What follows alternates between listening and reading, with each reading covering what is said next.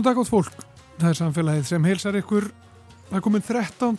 desember og við sitjum hér Guðmundur Pálsson og Þóruldur Ólastóttir og ætlum að vera hér næsta klukkutíman. Sorp er samfélagslegt mál, hvert eitt og einast okkar hendur einhverju daglega og samkvæmt lögum og reglum sem taka gildum áramótin eigum við að bæta flokkunina, sérstaklega þegar kemur að lífrænum úrgangi. Fyrir sum sveitafélög, eins og þau á höfuborgarsvæðinu, er þetta mikið stökk en önnur eru komin lengra og við ætlum að forvetnast um hvernig þetta hefur gengið hjá Ísafjörðabæ. Skíðasvæðið í Hlýðarfjalli á Akureyri verður opnað á förstu daginn og það þrátt fyrir að lítið hafi snjóað. Við forvetnumst um snjóframleiðslu og undirbúning opnunar Hlýðarfjalls á eftir. Við ætlum að spjalla við Brynjar Helga Áskisson, forstöðumann skíðasvæðisins í Hlýðarfjalli. Og svo er málfar spjall ef ég nenni. Ef ég nenni, hvað þýðir það? Er það að nenna að eh, vera áhugalaus eða latur? Er það kannski eitthvað meira við þetta orð en við höldum sem breytir þá kannski allri merkingunni í jólalæginu ef ég nenni sem Helgi Björns syngur? Ég nenni allavega að setjast niður með málfarsaráðunut og ræða þetta við hana hér á eftir í þættinum. En uh, við skulum byrja á sorpi. Ef við nennum, sem við gerum.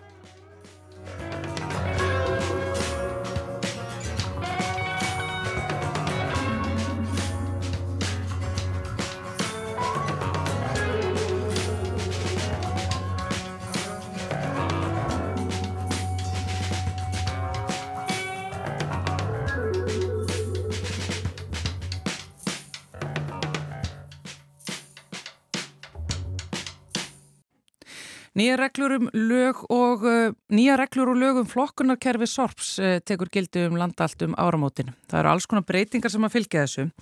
En svo stóra er svo að við ætlum að flokka lífrannan úrgang, matar úrgang, alveg sér. Það þýðir fleiri ruslatunnur eða tvískiptar en uh, líka breytt gjaldtaka á sorphyrðu og fleira. Sveitarfjölug eiga að rukka í samræmi við hversu miklu fólk hendir. Þetta fyrirkomulega kallast borgað þegar hendir og hefur verið pröfukert eins og Ísafjörði þar sem er borgað eftir rúmmáli. Það er samt mikil vinna sem að fylgjur þessu öllu saman, hún er náttúrulega mismikil og flókin, sveitafélög eru komin mislangt á veg, þetta kemur í raun allt í ljós svona svolítið eftir því sem að líður á næsta ár. Höfuborgarsvæðið, öll sveitarfélögin þar, ætla að samræma sorpirðukerfi sitt við þetta tækifæri. Nú gerum við eins, hvort sem að við erum á Seltjartanes í Reykjavík eða Kópavögi, það er sem sagt sama ruslatunnu útfarslan og flokkunarkerfið allstaðar og hitt besta mál allt saman auðvitað. Þetta er eitthvað sem hefur verið kallað eftir lengi. En já, það er sem sagt lífrannatunnan sem að bætist við og höfuborgarbúar eiga að fá pappirspoka sem á að sapna lífranna úrgangnum í. Maður sér á íbúa og hverfa síðum uh, á Facebook á höfuborgarsvæðinu að það eru nú einhverjir sem að sjá offsjónum yfir þessu öllu saman, öllum þessum breytingum. Finna þessu öllu til fóráttu því að sapna lífrænu, það er ekki nóg pláss inni fyrir fleiri sorpílát, það er ekki pláss úti fyrir fleiri rauðslatunnur, fólk óttast um lykt og svo þetta kostnað og ímislegt fleira. Á einni ónemndri íbúasíðu segir kona, ég er voða neikvæð með þetta, finnst þetta allt og langt gengið og norður kóreulegt. Það fylgir svo ekki sögun í þessum umræðum uh, hvernig sorpflokkun er háttað í Norður Kóru en uh, umræðunar fara sem sagt í allar áttir og það eru vissulega mjög margir sem eru afar jákvæðir yfir því sem að koma skal. En höfuborgarbúar eru vissulega ekkert þau einu í heiminum sem að hafa þurft að flokka ruslið sitt meira. Þau eru ekki einu sinni þau einu í landinu. Það eru mörg sveitafjölög á Íslandi sem að hafa tekið upp ítarlegri sorpflokkun með tilherrandi umstangi og tunnu útvarslum og grendarstöðum og gjaldtöku og alls konar bara. Og uh, því ekki að heyra í þessum sveitafjölögum, reynslu þeirra áskorunum, útvarslum og, og uh, gangi mála almennt. Finnst þeim þetta vera norður kóriðulegt hjá sér? Nanni Arna Guðmustóttir, formaður umhverfis og frangvönda nefndar Ísafjörabæjar. Eh, hvernig er sortflokkun háttað hjá ykkur Ísfjörðingum? Sko hérna í Sveitafélaginu Ísafjörabæ erum við uh, að sækja sorp heim til uh, hérna íbúa og við erum með sérst tvær uh, tunnur með tveimur innri tunnum og þá erum við sérst að taka bara vennulegt heimilisorp og lífrænan og svo plast og pappir og við höfum líka verið með að taka ál. Já. Þannig að við erum búin að vera í þessu síðan 2018. Og sko lístu þið aðeins hvernig tunnunum er skipt upp að því að ég held að fólk sem hefur ekki séð onni svona uppskiptar tunnur áttis á því hvernig þetta lítur út. Sko þetta eru tvær 240 lítra tunnur og inn í þeim eru minnihólf sem er þá undir eh, lífrænan og ég, ég held að þau eru, þessast lífrænahólfið er langa með að segja svona 40 50 lítra hólf bara mjög lítið eða þú veist, já, meðferðlegt. Já. og hérna og þú kemur alveg heimilisorpinu fram hjá því í hérna onitönnuna svo hintunnan er þá með stærra innra hólfi. Og það getur verið svona svolítið kunst að því að það, veist, við setjum pappirinn ofan í tönnuna og setjum svo plastið og álið í þetta innra hólf. Já. Og það getur verið pínu kunst að hérna lifta upp þessi hérna innra hólfinu til þess að koma pappirnum ofin í sérstaklega ef það er vindasand já. þannig að hérna maður þarf að, að setja lægi en hérna já en þetta hefur bara virkað mjög vel og, og svona á að vera þjónustuvænt. En það er væntalega alltaf hægt að finna aðeins en þetta á að vera bara fyrir eitthvað þjónustuvænt svona Þið eru búin að vera með þetta síðan 2018 segiru ja. hérna þegar þessu var komið á hvernig hafði svona sorpflokkun og heyrðu verið hátað hjá okkur fyrir það? Hafði, við hefðum bara verið freka framsækin má segja uh, sko uh, það sem gerist 2018 er þá bætum við í rauninni bara við þessum lífræna úrgangi og fyrir þann tíma vorum við með uh, svona hérna söfnun á pappirplasti áli og svo heimilisúrgangi. Og sko 2010 þá lókum við hérna sorp brennslustu sem við vorum með.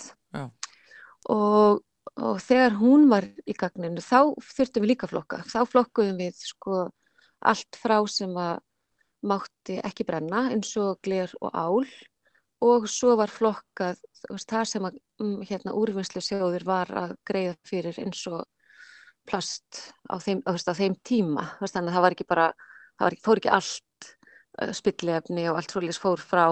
Þannig að, að við erum búin að vera með flokkanikerfi bara ansi lengi. Og svo notuðum við sko orkuna sem að myndaðist í funna sem að brennslustöðin hétt uh -huh. notuðum hana til að kynnta hérna, íbúarhúsnæði hérna, í það sem við kallum holdakverfi í, skutisfyrði og þar búa 500 manns pluss. Þannig að hérna, það var bara frekar framsækja og gott kerfi. Þannig að, hérna, að við erum búin að hafa þessa flokkunar sögu bara núna eiginlega óslitið í þá myndi ég segja hvað, 15 ári eitthvað svo les. Já, og hefur þessu verið mætt með svona jákvæðni og, og opnu viðhorfi? Af bæjabóð? Já, já. Ég, sko, þegar við tókum upp bættum við þessum hérna lífuræna að þá veist, var uh, hvað maður segja, hérna gekk þetta bara mun betur heldur en við þorðum að vona.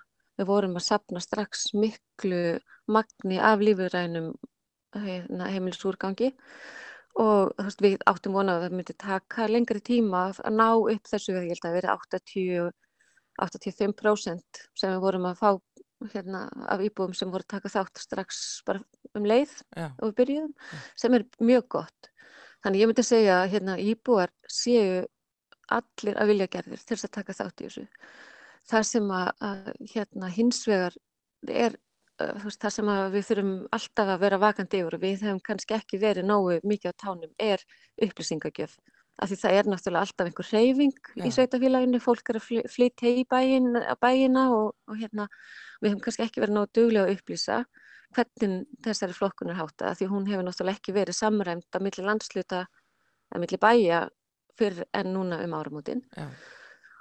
og svo sérst, er þetta að það má, það er bara algjörst nónú að ætla að plata íbúa og segja að þetta sé svona og það er ekki þannig. Já.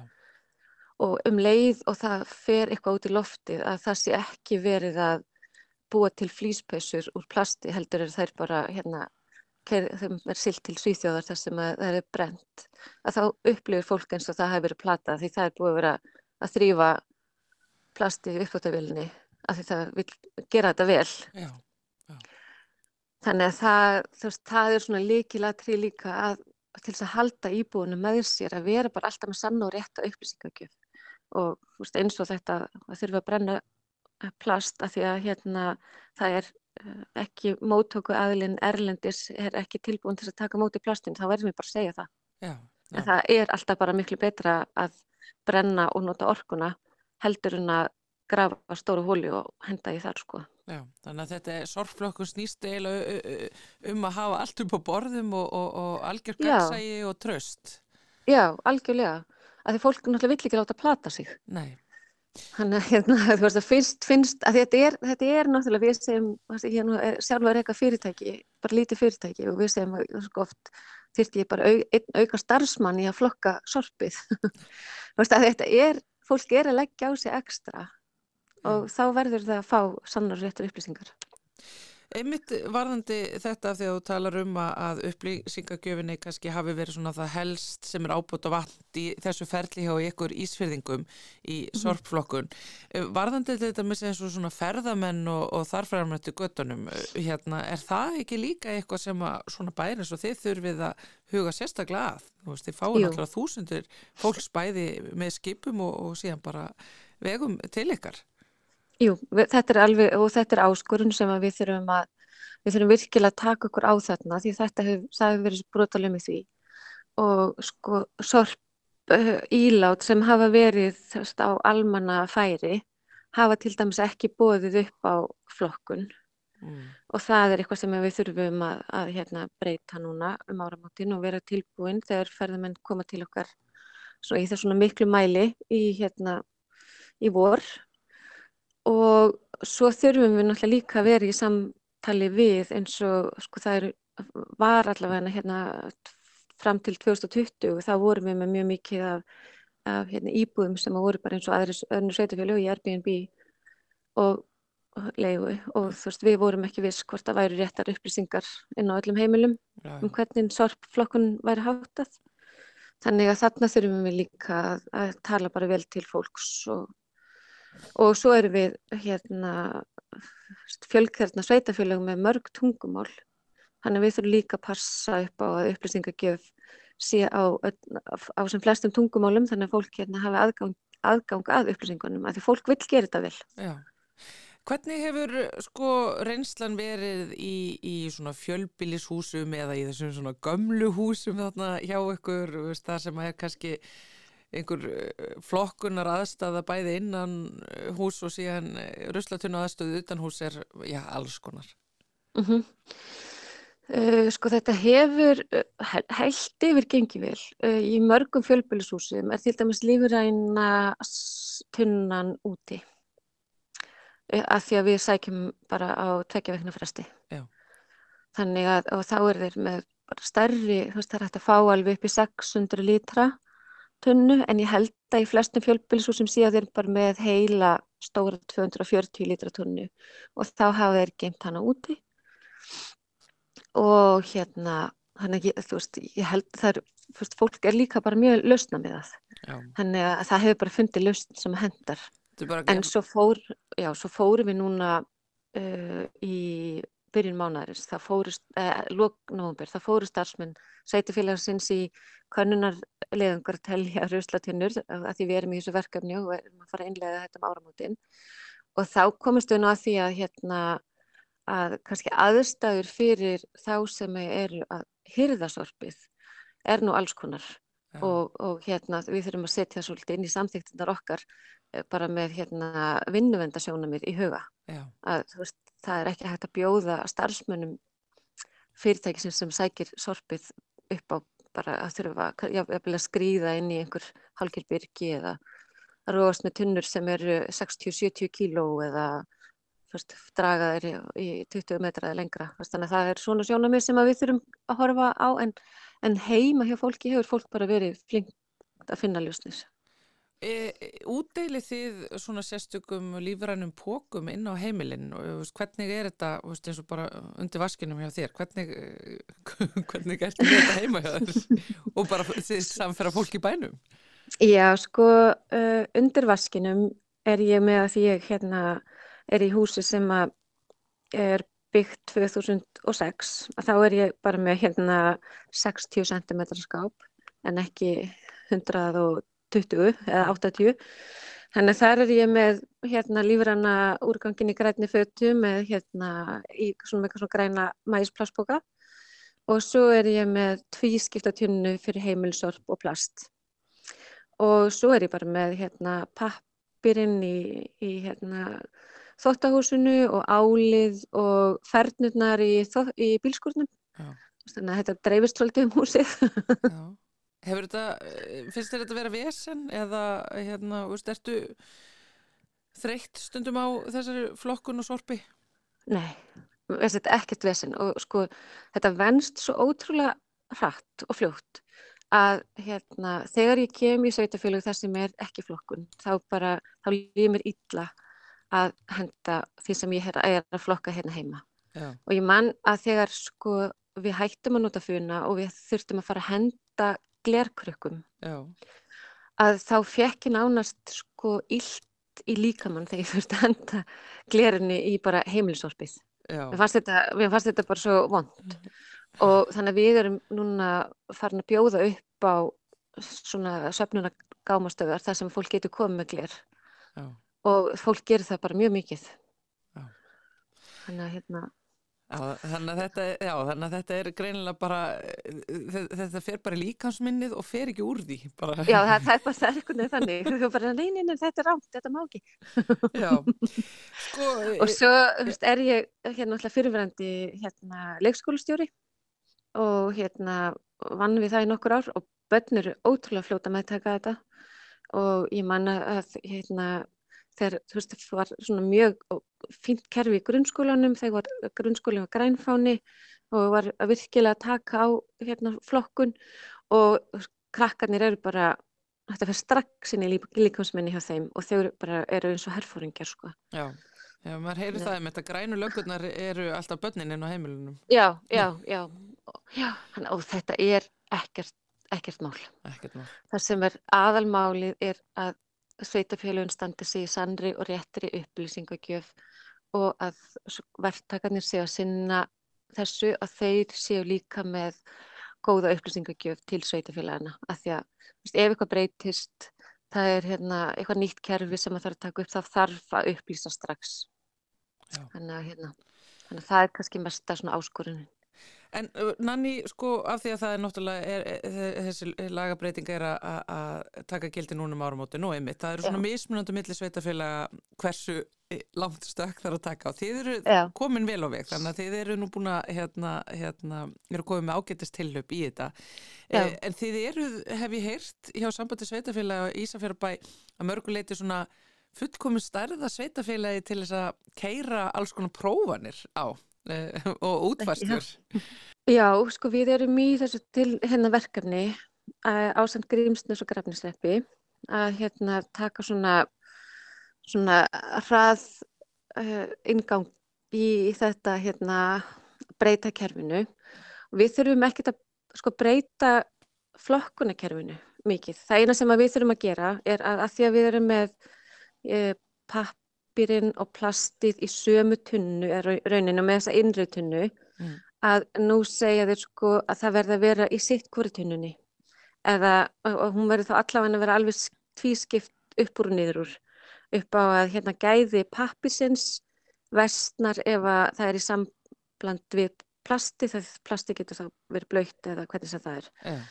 Og hérna þannig að það er leið sem við þurfum að finna hvernig við ætlum að gera og við megum ekki hafa álið í því. Þannig að væntalega þurfum við að hætta að taka ál heima hjá fólki. Þannig að væntalega munu þessar breytingar hafa þær þau áhrif að við erum að taka færri sorpunar, eða hérna sorpflokka frá heimilum heldur en við höfum verið að gera í dag. Ja. Og þá þurfum við að uh, setja álið á hérna grendastöðar og, og hérna ég nota bara, tek mér orð sambansins í mun þegar þeir segðu að næsta ár yrði ár breytingarskeið hjá hérna, sveitafélögum við að innleiða þetta hérna, nýja kerfi Já. og ég ætla að lefa, lefa mér að við ætlum að vera þar að bara fast, að nota árið til þess að aðlaga okkur og íbúana að þessu Já. og við erum vantilega bara þokkala stórt sveitafélag en við erum samt í sko með stuttar bóðleiðir og svo erum við náttúrulega líka pínu flóki sveitafélag að því við erum fjölkjarna. Þannig að við þurfum veist, að hérna vera hvað ætlum að vera með grendastöðvar hvernig ætlum við að hafa grendastöðvarnar ætlum við að hafa vaktaðar eða ætlum við að hafa starfsmann? Og þú veist það er bara alls konar svona sem við erum að velta fyrir okkur núna. Já. En svona almennt séð jákvæðinni meðal bæjarbúa gagvar þessu öllu saman og, og náttúrulega til dæmis þá mögulega hækka sorpeiriðu gjald ef þetta fer eftir því að þú borgir fyrir allt sem þú hendir það er, það er vel tekið þá pælingu líka. Já sko það, það sem við höfum reyndar fram yfir mjög marga er að hérna við höfum bara ákveðið að láta sorphyrðugjaldið mæta að nokkur, þess að eiginlega öllu leiti þeim kostnaði sem tilfellur við sorphyrðu og förkun Já. og það hefur verið hátt hjá okkur. Að því að hérna, við þurfum náttúrulega að keira allan okkar úrgang sem að fer ekki endur vinslu eða endur nýtingu, þurfum við að keira í fýblólt, það er mjög kostnæðasamt og þannig að sveitafélagið hefur undanferðin ár ekki þurft að borga með þessu máluflokki nema veist, við höfum verið að rokka einhver staðar á milli 6 til 10% sem að sveitafélagið hefur borgað með þessu máluflokki sem þýðir að núna við þurfum ekkert að hækka þetta mjög mikið. Og sömur íbúar eru að jafnvel að horfa fram það, sérstaklega í fjölbílisúsum, að sorgkostnaður mun lækka. Þannig að, hérna, að því að þú getur mingað tunnurnar og þú, getur, þú hefur þetta svolítið í hendi. Já. En önnur sveitafélug þar sem hefur kannski ekki verið neinn flokkun, þar þarf að bæta við tunnum og veist, það, þar er þetta erfiðar og ég sá hérna bara skemmtilegt að við erum náttúrulega, þú veist, allir, öll vinnan okkar núna er bara einhvern veginn tengt tengt ringarásarhagkerfinu og ég veit að sögum sveitafélag hafa verið að borga alltaf 70% með þessu málaflöki uh mhm. -huh. og núna þegar reglugerðin tekur gildi um áramótin þar sem að segir bara að málaflökkurinn á að vera nulli að þá er það náttúrulega skellur hjá þeim sveitafélagum þar sem kostnæðurinn er svona þar sem sveitafélag hefur verið að borga svona mikið Já. En og aftur hljóman eins og því Ísverðinga séu bara rosalega vel undirbúin Ég, já, ég bara ætla að taka undir það og segja að við séum það. og svo erum við náttúrulega með hérna, einstak teimi innan stjórnsýslunar sem er að vinna þetta. Og hérna erum við bara lagt sér alla fram ef maður hérna, gera kerfið skilvirt og svo ætlum við náttúrulega að taka okkur bara árið í þetta. Það, hérna, það, er, það er ekki gott að halda að við verðum bara klárt fyrsta janúar. Og og, hérna, og þá verður þetta bara allt klift og skorið. Því að hérna, bæði íbúar þurfa að vennast þessu og svo þarf stjórnsíslan að vennast þessu og allt þetta hérna, þess veist, möguleikarnir að því þetta ánáttúrulega alltaf að, að hérna, verða til þess að fólk sé að framlega minna röstl mm. og þá hvernig ætlar stjórnsíslan að koma til móts við íbúar sem að vilja minga hjá sér Þannig, og við þurfum svolítið að búa það til og það erum við að gera í þessu tilraunaverkefni með sambandinu. Ef, einhver íbúi vil, bara ég ætla bara að molta heima hjá mér og þá ætla ég ekki að láta, þá þarf sveitafélag ekki að bera ábyrða því og þá hlýtur það að vera einhver spartnaður fyrir íbúan. Já. Þannig, já. Nanni Arna bara rétt í lokin af því ég veit að þú hefur alveg svakalega mikið áhuga á sorpi og sorpirðum álum áttu þér eitthvað svona grænan draum einhverja svona útópíu, hvað var það röst sem að, veist, til, myndi láka til þess að sjá gerast í framtíðinni? Sko já, sko ég er, er náttúrulega raunsæ en mig langar til þess að hérna að sjá að veist, við séum allavega ekki að henda hérna röstli út á viðavangi að bæirnir okkar séu snirtilegir að því að fólk er meðvitað og að, hérna, að, já, að fólk verði bara meðvitað um að það sjálft er að framleiða rusli sem að sveitafélagið og allir hinnir íbúðnir eru að bera kostnað af að hérna, koma í ló en uh, ég hitti litla stúlku í mæ sem að var að spjalla við mig um, um sorp og hún sagði mér, hún er bara, var þá sex ára og hún sagði að hann hlakkaði rosalega mikið til þegar hérna að það væri orðið þannig á Íslandi að það væri ekkert rusl. Það væri bara, fólk væri bara að kaupa minna og allt sem við keftum það gætu við notað í eitthvað annað. Og, og mér fannst það, það bara snert, snerti mig að hérna sex ára barn skildi hafa þessa framtíða sín og ef það eru fleiri sex ára börn sem hafa þessa framtíða sín þá held ég að við séum bara á rosalega góðri leið. Þannig að hérna, ég ætla, ég, ég ætla að setja hana út í kosmosið. Já. Þó að hérna, ég sé kannski svolítið meira raunsæg og hafi svona minni væntingar heldur en þetta barn. En ég ætla að leifa mér að, leif, að leifa þessari framtíða sína vera það sem við ætlum að stefna það á Íslandi næstu 50 árin. Nanni Arna Guðmundsdóttir, formadur umhverfis og framkvæmdanendar Ísafjörðbæjar. Takk fyrir þetta og bestu hverjur vestur. Já, takk fyrir að hafa samband.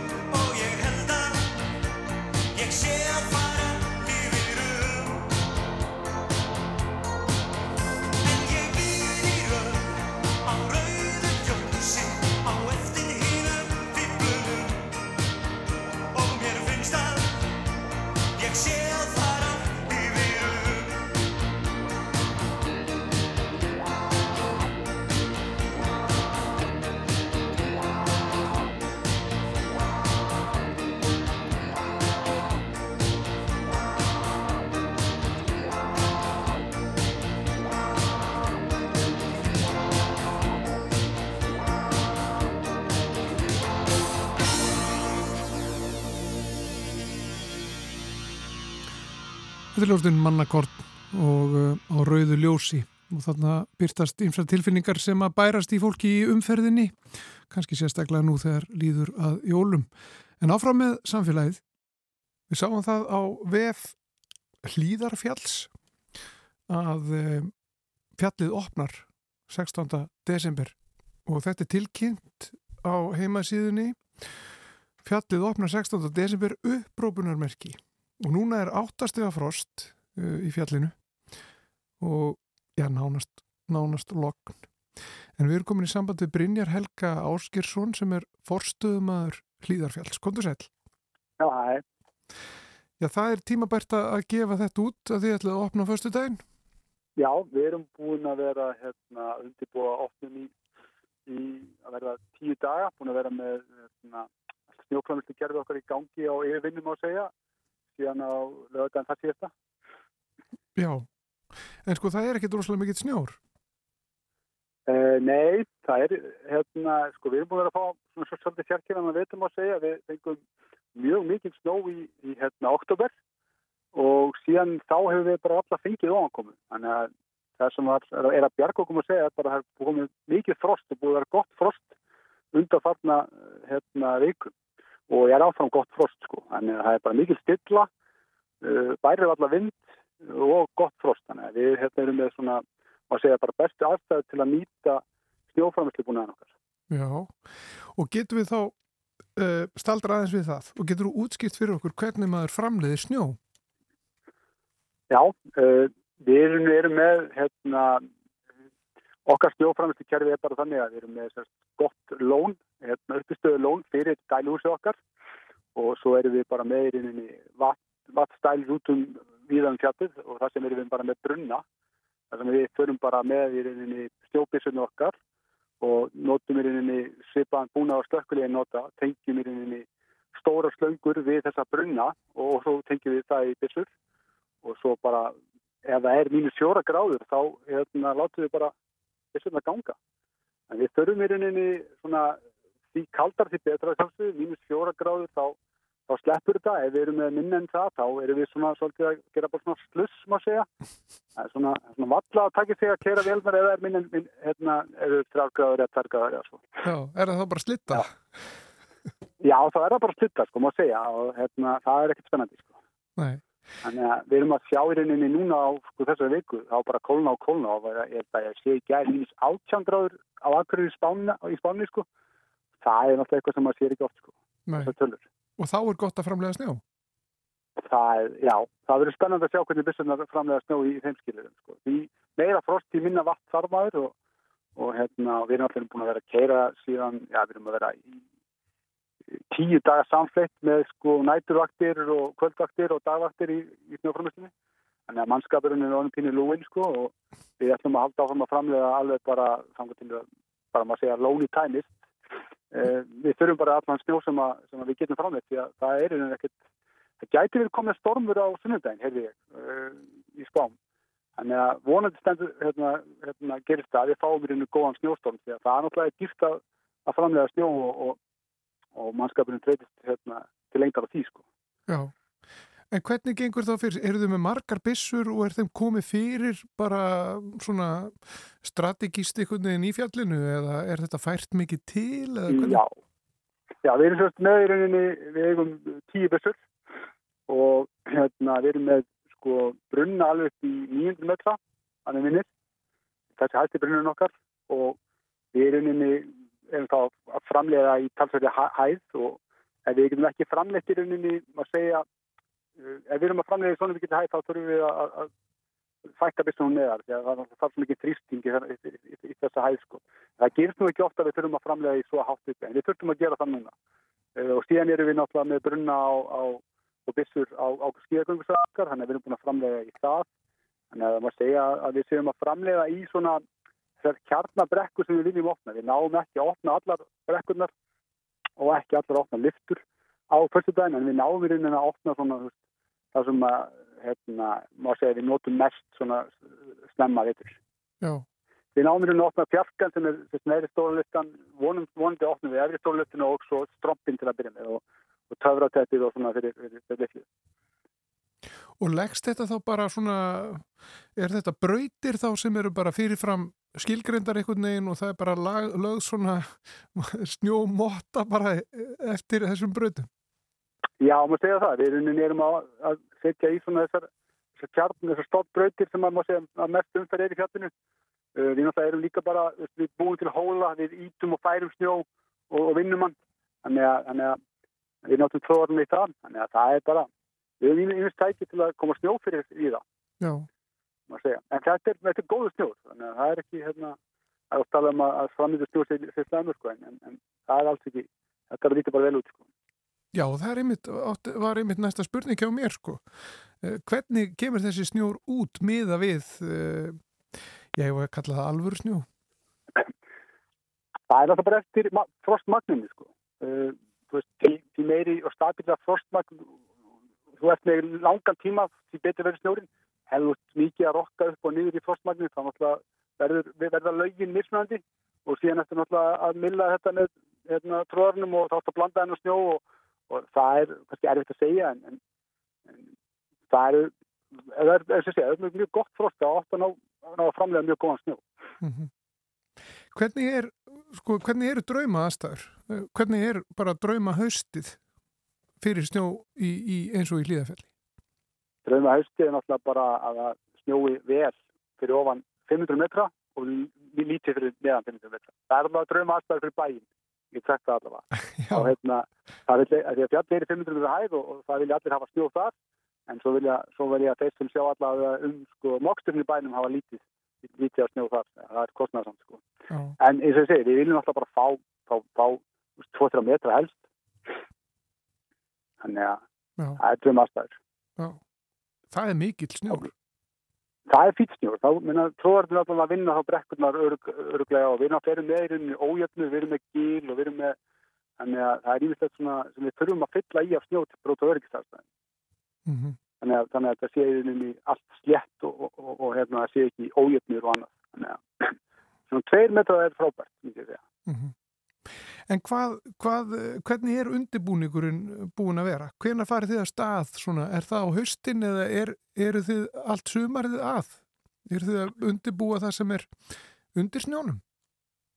Já, við vorum í landmótun í sumar, þannig að við vorum í grjótrensa og, og reyna að vinna svæði þannig að þessi auðvöldur akkurat á framlega snjó og, og, og opna það, þá þarf það að minna í það.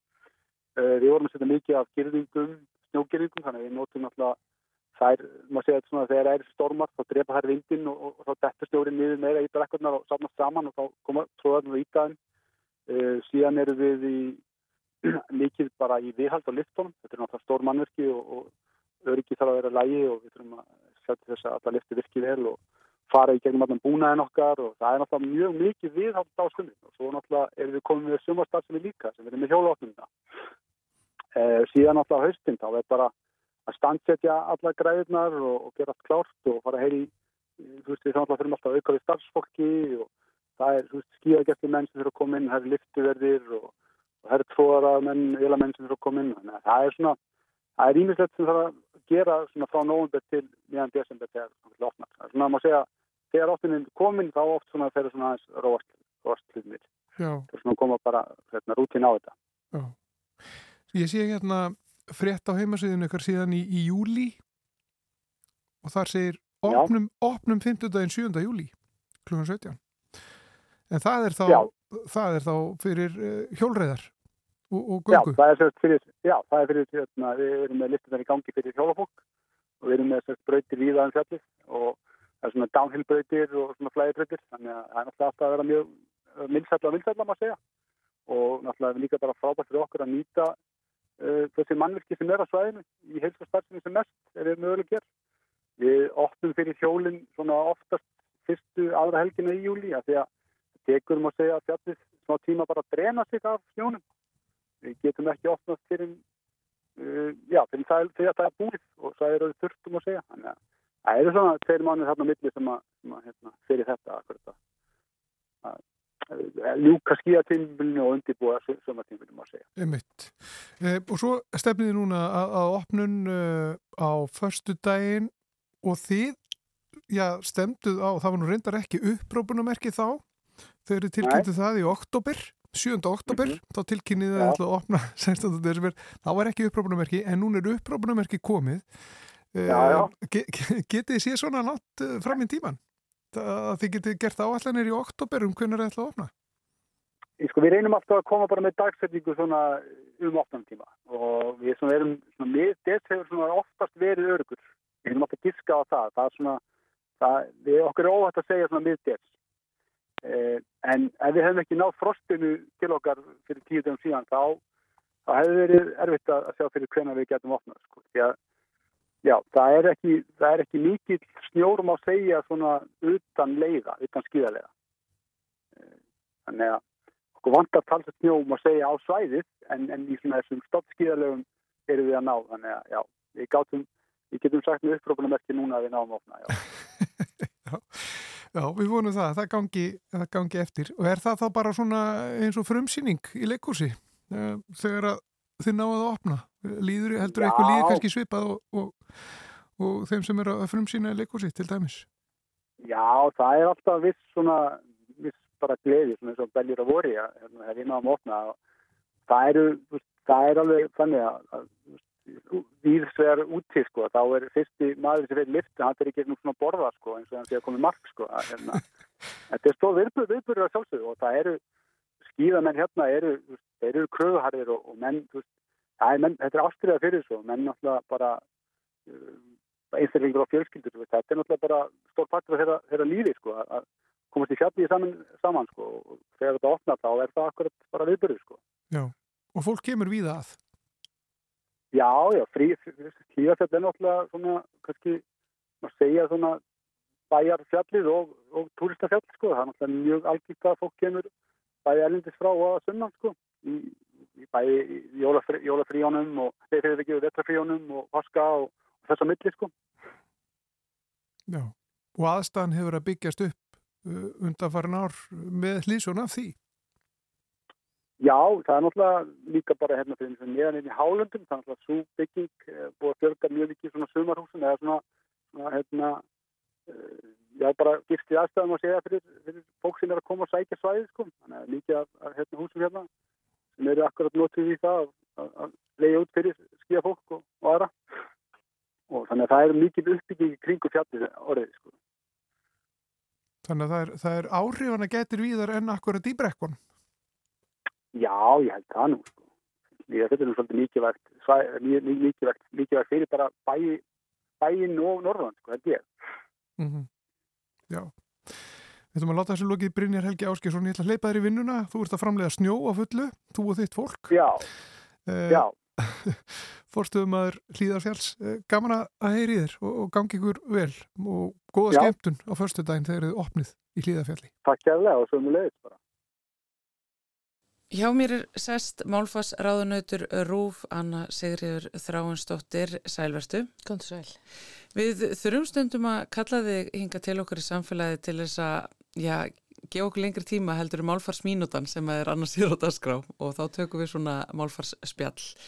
Og uh, við erum á jólalögum nótu núna að því að við viljum spyrja þig út í orðið nenni og fólk er að tengja þarna kannski við eitt eh, frægasta jólalag og, og best þekkt á Íslandi sem er mikið tekið og, og spila núna í kringum okkur ef ég nenni. En þetta er skrítið orð og sérstaklega í samingi við þetta jólalag. Anna Sigrir, getur þú útskilt þetta fyrir okkur? Það er nú ekki alveg einfalt. já, sko, já, hvað sögnin að nenna ef ég nenni? Hún hefur bara mjög margar merkingar.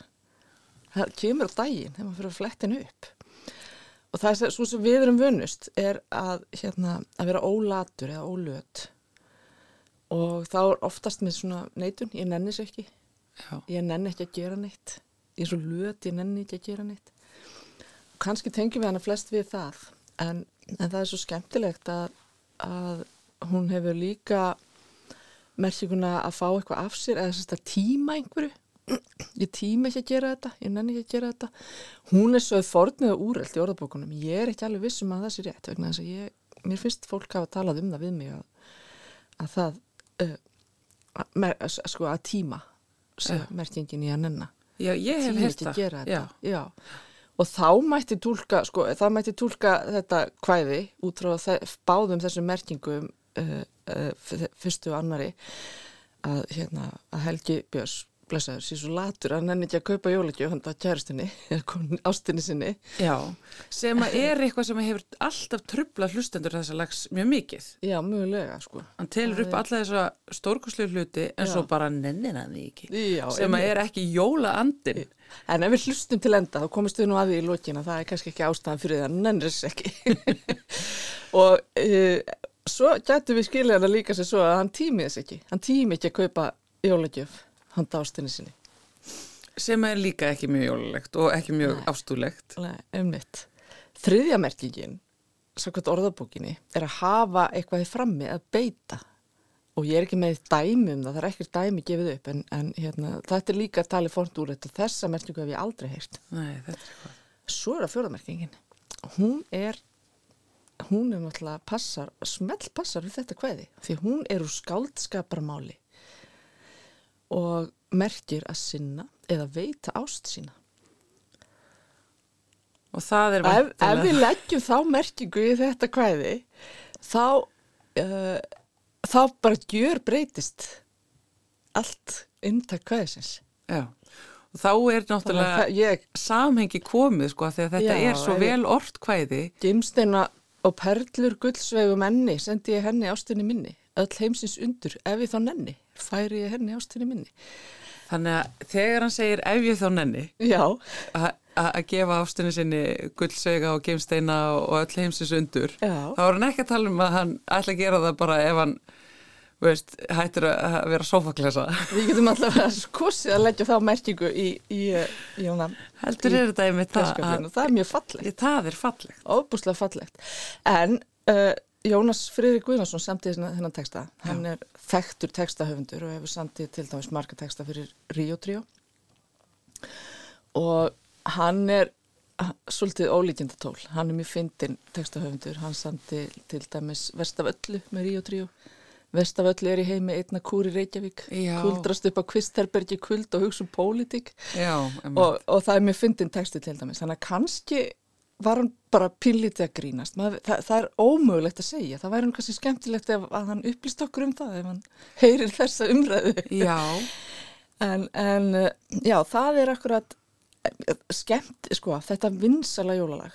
Það er mjög skemmtilegt að trúa því að það sé fjórðamerkingin sem að að, að, að veita ást sína já um, þá líka finnst mér þetta að vera koma allt saman heim og saman Já. að því um hver jól Já. síðan að þetta lag kom út sem er fyrir hvað, bara örgulega 30 árum síðan Já, eitthvað. 1995 Já. samkvæmt mínum rannsóknum Já, að þá er, er alltaf einhver sem að spyr og núna bara á, á samfélagsmiðlum og það strax færið í gang á Twitter samfélagsmiðlum bara hvaða letingi er Helgi Björns, skilur Akkurat. og hvers jólalag er þetta og hvaða jólaandi er þarna?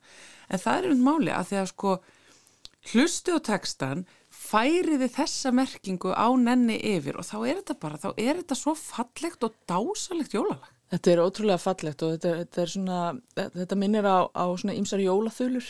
Já, ég hugsaði sko, ég fór strax að hugsa í komdu inn í kofan minna því að það er náttúrulega verið að, að tala um, um allt sem að hérna, við komum til langa til þess að gefa ástinni sinni en, en Já, já, og- og- þetta er allt mjög óraunhaft líka er, sko. Já, já, algjörlega og svo er til uh, líka ýmsar svona þulur akkurat um þetta. Komdu til mín fyrsta daginn jóla og ég skal gefa þér og svo talin hver dagur jóla Já. og gjafirnar sem á, á að bera viðtakandanum sem eru æfintýralegar og þrjú palli sem súku þetta og, og hérna og allt er þetta sko náttúrulega draumar í vanefnum alveg eins og þetta kveði Já. og það er annað uh, á jóladaginn fyrsta, hann Jónas færði mér her- sem er gummul þula líka og er til á ennsku on the first day of Christmas my true love gave to me Já. og, og, uh, það er líka svona ólíkjöndarlegar gjafir og hver mann ekki eftir uh, eftir brefinu hans skráms til Jólasvinsins. Kæri Jóli. Já. Komið þarna. Hvað er að gera við þessa sjö syndandi svani? Það er alltaf í fjöðurum hérna. Barkarið útskýttið. Mamma fekk tauga áfall. Þetta var Jólin ónýtt. Já, einmitt. En, en þetta er samt sem að, já þetta er fallið og textin hjá Jónasi Friðrik er alveg óskaplega fallegur því að allar þær gullu, alltaf gull og það er gerðsamar sem, sem að hann vill færa ástunni sinni, lífsvatni dýra á lindinni góðu og þetta er yfirlega ekki eitthvað sem er hægt að kaupa fyrir peninga. Já. og svo endar það auðvitað og ég bara einmitt eins og þú hvet fólk til þess að hlusta þennan fallega texta en ekki bara viðlæð sem er það sem syngur auðvitað alltaf í hausnum á manni. Hann ætlar að kaupa öll kongsrí, kongsríki í snatri og fegurstu rósir af runnum þess liðna rétt í henni, þetta er allt ótrúlega fallegt. En svo kemur náttúrulega í ljós í lokvæðisins að hann er svo blá skínandi fátökur að Já, að, hérna, ef, ef, ef ekkert einhverja gjöf ég auðlasti jólinn, ekki mjög dýra sendi ég henni. Ef ekkert skánar ástandi vössum á ég þó kort að senda henni? Ef hún vill mig ef hún vill mig Já. og síðan segir er ekki ef, ef ég, ég get slegið einhvern þá fær ástin mín gjöf frá mér. Hann er að tala um að slá einhvern um lán. Já Úf, þetta endar eiginlega Þetta er gæsa húð Vá, heyrðu, annars sigur Þessi fátæk, fátækir oh. menn geta vilja eða fátækt fólk getur, getur hérna gefa þetta ástvinni sínum allan heimir Já, sjálfsögur Þannig að þetta er ótrúlega fallegt. Helgi Björns, takktu við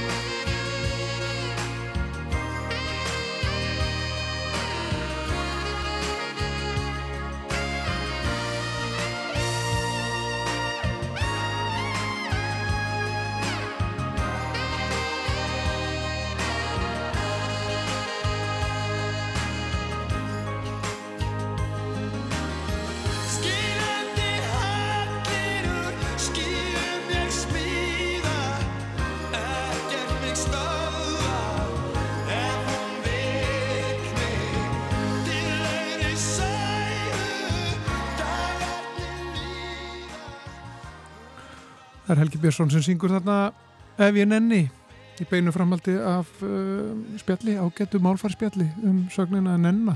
Já, ég heyri þetta lag allt öðruvísi núna eftir að hafa rætt við málfarsraðunut okkar hér á Rúf og uh, við klárum samfélagið í dag uh, með þessu, við nennum því, við getum það, við ætlum að gera það hjartaskvæður til ykkar, kæru hlustendur. Heyrust á morgun, verið sæl.